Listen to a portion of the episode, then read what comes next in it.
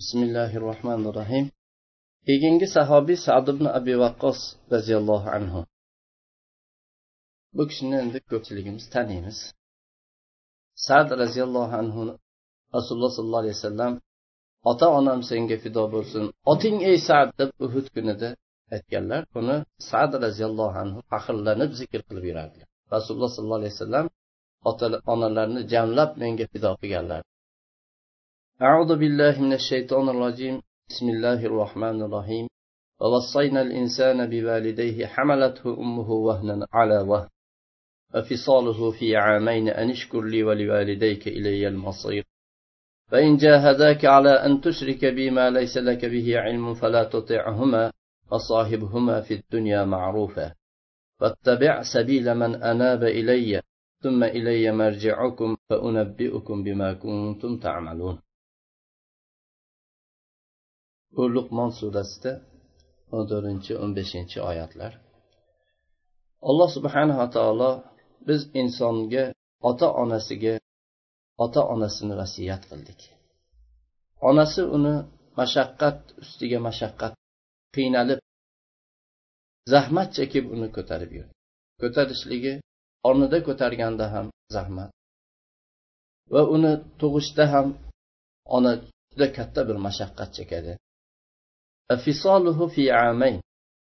Va uni sutdan ajratishligi emizish davri ikki yil.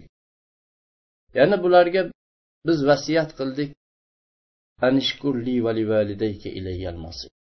Alloh taolo insonga shu vasiyat qildi. Ya'ni menga shukur qilgin dedi. Alloh taoloni ne'matlariga alloh subhanava taoloni hidoyat qilganligi u rahmati payg'ambar jo'natganligi qur'on nozil qilganligi va hokazo biz biror lahzada ollohni ne'matidan behojat emasmiz. Ollohni ne'matisiz hech bir nafasni kirishi ham chiqishi ham alloh taoloni ne'mati. Mana bu olloh shu ne'matlariga shukur yuqorida e, darslarimizda o'tdi.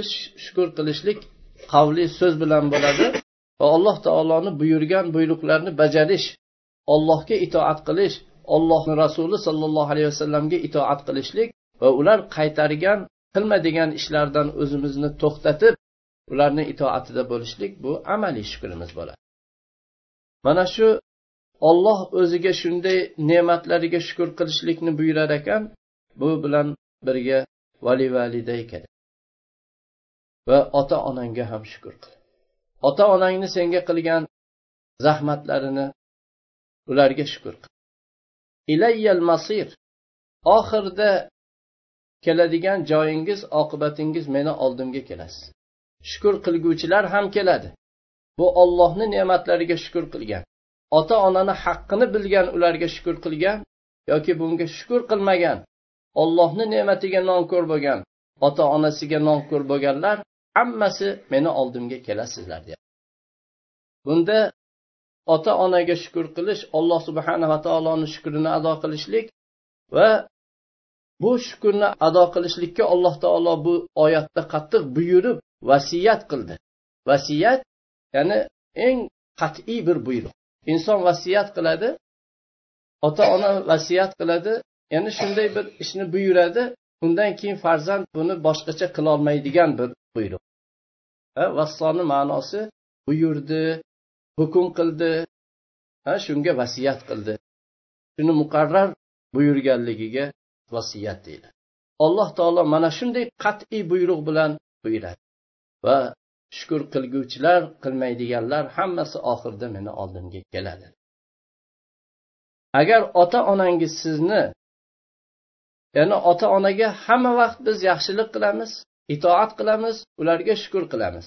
Endi itoat qilmaydigan joyi bormi desa agar menga sizni ilmingiz yo'q bo'lgan narsani shirk keltirishlikka majbur qilsalar unda itoat qilmang shirkka majbur qilganda itoat qilmaydi ota ona lekin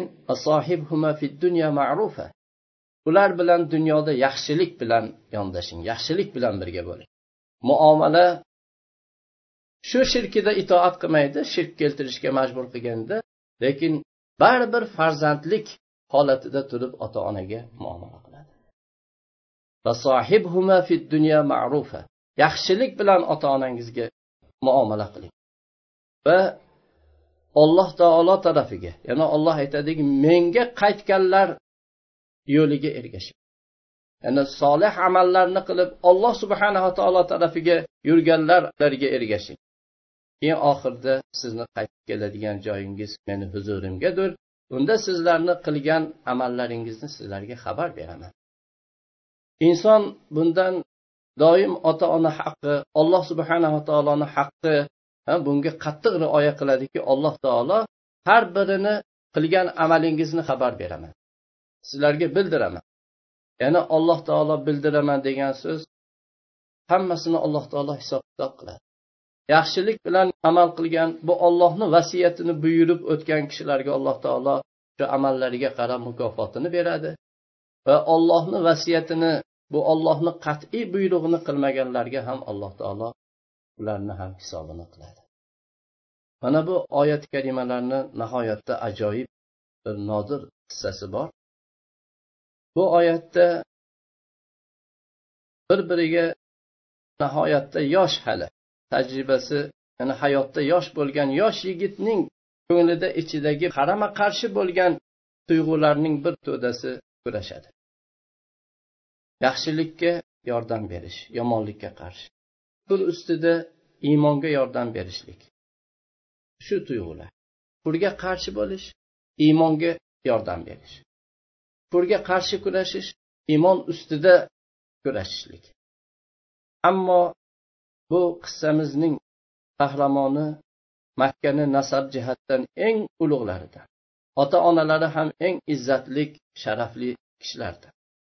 Bu yigit sad ibn abi vaqqos roziyallohu anhu sad makkada bu nubuvvat payg'ambarlik nuri yorishgan vaqtda yosh yigit edilar u kishini nihoyatda hislar ziyrak ota onalariga ko'p yaxshilik qilguvchi xossatan onalariga muhabbati qattiq yigit edilar sad roziyallohu anhu o'n yettinchi bahorni qarshilashlariga qaramasdan u kishi butun vujudida nihoyatda ko'p tajribali kishilarni tajribasiga o'xshagan bir aqli bor edi va keksa yoshdagi odamlarni hikmatiga o'xshagan bir hikmatli kishi edilar.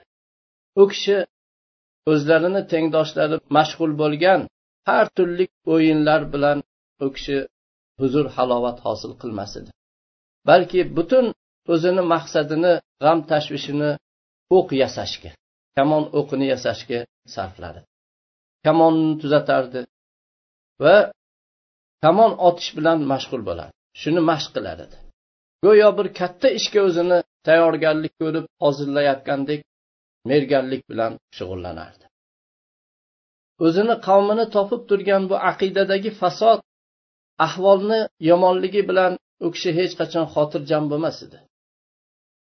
Go'yoki sad bir kuchlik mehribon qat'iyatlik bir qo'l ularga uzatilishligini kutayotgandek edi. Ya'ni ular bu sarson kezayotgan zulmatlardan ularni qutqazib oladigan shunday bir qudrat bo'lishligini kutayotgandek edi. Mana shunday bo'lib turgan vaqtda alloh azza va jalla butun insoniyatni hammasini mana bunday asoschi bunday mehribon qo'l bilan olloh hurmat qilishlikni xohladi. Bu butun xalqlarning sayyidi muhammad ibn abdulloh sollallohu alayhi vasallamni qo'llari edi. Va bu qo'lning kaftida qabzasida hech o'chmas ilohiy bir yulduz bor edi. Ollohni ulug' kitobi bor edi. Sad ibn abi vaqqos bu hidoyat da'vatiga qanchalik shoshilib ijobat qildilar. Hatto erkaklardan islomga kirgan uch kishini uchinchisi yoki to'rt kishini to'rtinchisi sad ibn abi vaqqos bo'lganlar. Shuning uchun ko'pincha u kishi faxrlanib men yetti kun islomni uchdan biri bo'lib yashaganman deb faxrlanib aytardilar. Rasululloh sollallohu alayhi vasallam sadni islomga kirishlari bilan nihoyatda qattiq xursand bo'ldilar.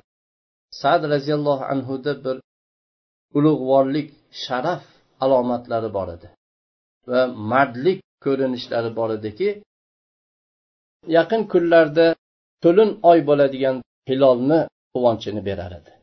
Sad nasabi ulug' aslzoda butun makka yosh yigitlari sadni yo'lini yo'l qilishadi va u kishiga o'xshab yurishlikka havas shu sadni havas qilishar edi bularni hammasidan keyin sad roziyallohu anhu rasululloh sollallohu alayhi vasallamni tog'alaridan edilar. Ya'ni bani zuhra qabilasidan edi. Bani zuhra qabilasi omina binti vah nabiy sallallohu alayhi vasallamni onalarini qavmi rasululloh sollallohu alayhi vasallam mana bu xolalik bilan ya'ni u kishini tog'aligi bilan rasululloh sollallohu alayhi vasallam faxrlanardilar. Rivoyat qilinadiki nabiy sallallohu alayhi vasallam ashoblardan bir jamoa bilan o'tirgan edilar. Sad ibn abi vaqqos kelardilar. Shunda o'zlari bilan birga bo'lganlarga mana bu meni tog'am dedilar. Ana shunaqa tog'aylarni ko'rsatinglarchi dedilar. Lekin sad ibn abi vaqqosning islomga kirishlari oson qulay shunday tabiiy oddiy bo'lmadi. Balki bu mo'min yigit shafqatsizlikda og'irlikda shiddatda nihoyatda qattiq bo'lgan bir sinovga duch keldilar hatto bu sinov imtihonning og'irligi uning qattiqligi shu darajaga yetdiki bu kishini haqida alloh subhanava taolo shu yuqorida tilovat qilingan oyatlarni olloh nozil qilgan edi. Sadga so'z beraylik u kishi mana shu og'ir mislsiz tajribani xabarini bizga qissa qilib berdilar sad aytadilarki islomga kirishimdan uch kun oldin men uxlab tush ko'ribman. Tushimda ustma ust bo'lgan zulmatlar ichida g'arq bo'lib shu yo'limni topolmay hech narsani ko'rolmay shunday sarson bo'lib turuvdim. Shunday kezar edim bu zulmatlar to'lqinida. Shunda bir tarafdan menga shunday bir to'lin oy kelib qoldi. To'lin oy chiqdi men unga ergashdim. Shu yorug'ga ergashuvdim oldimda bir necha kishini ko'rdim. Bu oyga qarab mendan oldin o'zib shu yorug'likka o'tib ketishgan ekan. Men zayd ibn horisani ko'rdim ali ibn abi tolibni ko'rdim abu bakr siddiqni ko'rdim roziyallohu anhu. Ularga aytdimki sizlar qachon bu yerga kelib qoldinglar dedim. Hozir deyishdi. Keyin ertalab kunduzi bo'luvdi menga xabar keldiki rasululloh sollallohu alayhi vasallam yashirincha islomga da'vat qilayotgan ekanlar. Shu xabar keldi. Alloh taolo menga bir yaxshilikni iroda qilganligini bildim alloh taolo bu kishini sababi bilan zulmatlardan nurga chiqarishligini xohlaganligini bildim u kishiga shoshib bordim. Jiyod degan darani ichida u kishi bilan uchrashdim. Rasululloh sollallohu alayhi vasallam asr namozini o'qirdilar. Men islomni qabul qildim. Namoz farz bo'lishidan oldin rasululloh sollallohu alayhi vasallam ertalab kechqurun turli vaqtlarda namoz o'qib yurardilar shunday bir namoz o'qiredilar men islomni qabul qildim. Shunda mendan oldin men tushimda ko'rgan kishilardan boshqa hech kim yo'q edi. Shular islomni qabul qilishuvdi. Keyin sad roziyallohu anhu o'zlarini islomlarini qissasini davom ettirib aytadilarki onam meni islomga kirganligimni xabarini eshitarkan uni tamoman g'azabga mindi. Men onamni juda ham qattiq yaxshi ko'radigan onamga muhabbatlik bir yigit edim. Shunda onam menga kelib aytdilarki ey sad sen bu qabul qilgan bu din nima? Ota onangni dinidan seni burgan bu din nima? Ollohga qasamki bu yangi dinni sen tark qilasan?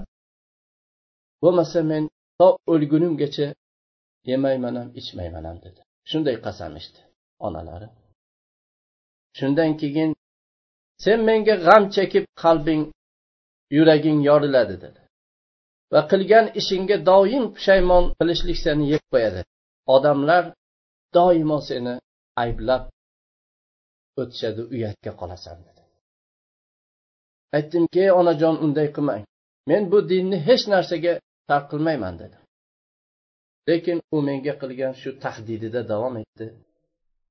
Taom sharob yeb ichishni tamoman tark qilgan edi. Shu holatda yemasdan ichmasdan bir necha kun davom etdi. Jismi shunday ozib ketdi. Suyaklari shunday chiqib qoldi. Quvvati shunday zaiflashib o'zini eplolmay qoldi. Tez tez u kishini oldilariga kelardim. Biror taom yeyishliklarni u kishidan iltimos qilib so'rardim. Ozgina bir narsa ichib oling der edim. U bunga qattiq unamay turib olgan edi. Yo o'lgunigacha yo men dinimni tark qilgunimgacha yemaslik ichmaslikka qasam ichardi. Shu vaqtda onamga aytdimki ey ona men sizga shuncha muhabbatim qattiq lekin ollohga ollohni rasuliga muhabbatim qattiqroqdir. Allohga qasamki agar sizni mingta joningiz bo'lsa o'sha bitta bitta chiqsa men bu dinimni ya'ni bir marta o'lsangiz emas ming marta o'lsangiz men bu dinimni tark qilmayman dedi. Onam meni bunday qattiq jiddiyligimni ko'rgan vaqtda u ishga bo'ysundi yedi ichdi o'zi yoqtirmasdan majburan yedi ichdi. Bizni haqqimizda alloh taoloni mana bu oyati nozil bo'lgan وإن جاهداك على أن تشرك بما ليس لك به علم فلا تطعهما وصاحبهما في الدنيا معروفا agar ota onang seni shirk ilming bo'lmagan narsani menga shirk keltirishlikka majbur qilsalar unda bu shirkka ularga itoat qilma dunyoda ular bilan yaxshilik bilan muomala qil degan oyat nozil bo'ldi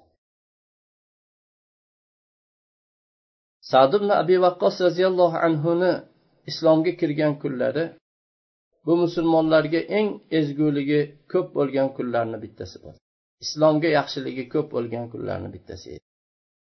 Badr kunida sad va sad roziyallohu anhuni ukalari umayr ibn abi vaqqosni ajoyib bir havas qiladigan o'rinlari bor.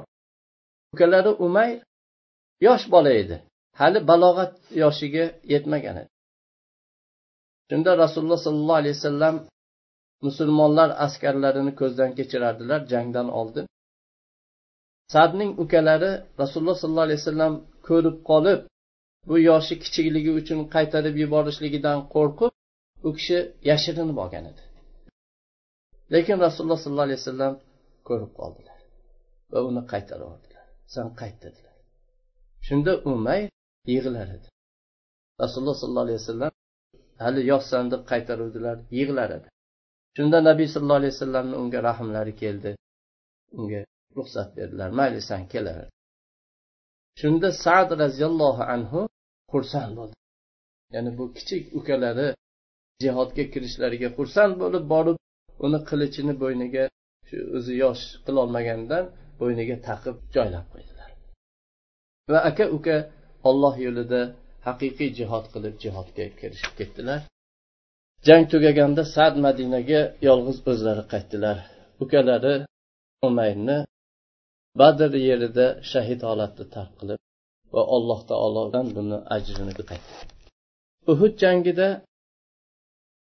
qadamlar larzaga kelgan vaqtda rasululloh sollallohu alayhi vasallamni atroflaridan musulmonlar tarqalgan vaqtda shu o'ntaga yetmagan bir ozchilik o'n kishicha ozchilikgina rasululloh sollallohu alayhi vasallamni oldilarida qoldi.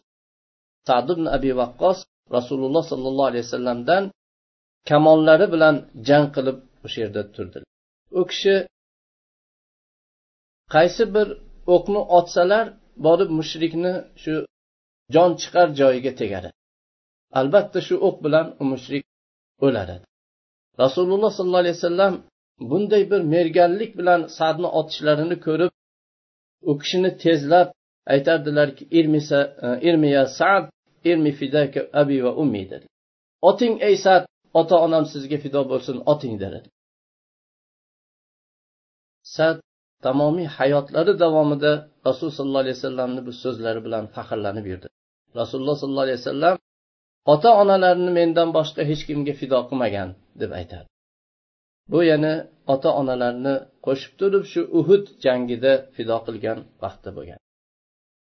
Sad ulug'likni shunday yuqori cho'qqisiga yetdilar. Umar roziyallohu anhu butun forslarga jang qilib ularni davlatini og'darib ularni arshini butun taxtini sug'urib ularni butparastlik tomirlarini yer yuzidan yo'qotishlikka qasd qilgan vaqtlarida bu jangga kirishga qasd qilganlarida umar roziyallohu anhu butun atrofga musulmon hukumatlariga e, o'zlarini voliylariga xatlarni jo'natdilar. Xatda aytardilarki har bir kishi quroli bo'lsa yo oti bo'lsa yo bir urushga qiladigan yordami bo'lsa yo bir fikri bo'lsa yo bir she'rdagi imtiyozi bo'lsa yo bir gapdagi xususiyati bo'lsa shunga o'xshagan shu jangda foydasi bor bo'lgan kim bo'lsa menga yuboringlar. Deb juda katta askar to'play boshladilar. Shunda madinaga har tarafdan mujohidlar hay'atlari jamoalari to'p to'p bo'lib kela boshladilar. Ular komil bo'lib to'plangan vaqtda umar foruq roziyallohu anhu bu ulug' butun muammolarni hal qiladigan sahobiylar bilan ulamo sahobiylar bilan u katta askarga kimni voliy qilamiz? Buni e, yetakchiligini kimga topshiramiz deb maslahat so'radilar. Shunda hammalari bir ovoz bilan bunday hujumchi sher bo'lgan sad ibn abi vaqqosga dedilar. Umar roziyallohu anhu abu sad ibn abi vaqqosni chaqirdilar va butun askar bu katta askar bayrog'ini sad ibn abi vaqqosga topshirdilar. Quvvatlik askar madinadan ketishni qasd qilgan vaqtda umar ibn hattob ular bilan vidolashib askarning qo'mondoniga vasiyatlar qilib aytdilarki ey sa alloh subhanava taolodan sen rasululloh sollallohu alayhi vasallamni tog'alari ekanliging aldab qo'ymasin. Rasululloh sollallohu alayhi vasallamni sahobalari ekanliging aldab qo'ymasin dedilar. Olloh azza va jalla yomonlikni yomonlik bilan ketkizmaydi dedilar. Lekin yomonlikni olloh yaxshilik bilan ketkazadi dedilar. Esa olloh bilan hech kimni o'rtasida toatdan taqvodan boshqa nasab yo'q dedilar. Odamlarni ulug'lari pastlari hammasi ollohni huzurida barobardir. Olloh ularni robbilaridir. Odamlar ollohni bandalaridirlar. Faqat taqvo bilan ulug' bo'ladilar. Ollohni huzuridagi narsani toat bilan topadilar. Toat bilan yetishadilar. Payg'ambar sollallohu alayhi vasallam bo'lgan ishga qaragin shu ishni lozim tutgin haqiqiy ish u zot bo'lgan ishdir dedilar. Bu muborak askarlar ketdi. Bu askarlar ichida to'qson to'qqizta badr ahli bor edi. Uch yuzdan ortiq bayatul rizvon bilan bundan boshqa bayatlarda qatnashganlar bor edi. Yana uch yuzta fath makkani rasululloh sollallohu alayhi vasallam bilan birga ko'rganlar bor edi. Yetti yuzta sahobiylarni o'g'illari ashobi ikromni farzandlaridan yetti yuz kishi bor edi. Sad o'zlarini bunday katta askarlari bilan jo'nab ketdilar va qodisiya degan shaharga borib u yerda joy oldilar. Qarorgohlari qodisiyada bo'ldi. Yomul harir bo'lgan kunda yana bu qodisiyadagi kunlarning oxirgisi. Bu jangni qattiq bir ovozidan harir bir ovoz chiqarishlik. Shunga yovmur harir deyiladi jangni shovqini nihoyatda qattiq bo'lgan oxirgi shiddatli bir kun. Shu kunda musulmonlar bu kunni eng oxirgi tamom hal qiladigan kun qilishga qasd qilgan edilar. Dushmanni hamma tarafdan xuddi bilak uzuk bilakni o'ragandek shunday o'rab oluvdilar. Ular saflariga har tarafdan takbir aytib tahlil aytib hujumga kirdilar. Rustamning butun fors askarlarining qo'mondoni rustamning boshi musulmonlarni nayzalari ustida boshi ko'tarib olingan edi. Ollohni dushmanlarini qalblariga qo'rquv dahshat hayajon nihoyatda to'lgan shunda musulmon bir forslikka shunday ishora qilardida borib o'ldirardi. Goho uni o'zini qurolini olib turib o'ldirardi. Shunday qattiq qo'rquvga tushib qolgan edi. Ammo o'ljalar haqida xohlagancha gapiring. Ammo o'lganlar faqat cho'kib o'lganlar ular o'ttiz mingga yetganligini bilishingiz o'zi kifoya qiladi. Shunday ko'p o'lgan edi. Sad roziyallohu anhu uzoq umr ko'rdilar. Alloh subhanava taolo u kishiga nihoyatda ko'p mol dunyoni nasib qildi. Lekin u kishiga vafot hozir bo'lgan vaqtlarida jundan to'qilgan eski bir ustki kiyimlari bor edi. Aytdilarki meni o'shanga o'rab ko'minglar. Shuni menga kafan qilinglar dedi. Men bu choponim bilan badr kunida mushriklar bilan to'qnashganman dedi. Men olloh azza va jallaga ham shu to'n bilan yo'liqishlikni xohlayman deb vasiyat qilgan alloh taolo ulardan rozi bo'lsin alloh rahmat qilsin alloh butun musulmonlardan ularga o'zi yaxshi bir musulmonlar tarafidan jazoi xayr bilan alloh mukofotlasin سبحانك اللهم بحمدك أشهد أن لا إله إلا أنت أستغفرك وأتوب إليك والسلام عليكم ورحمة الله وبركاته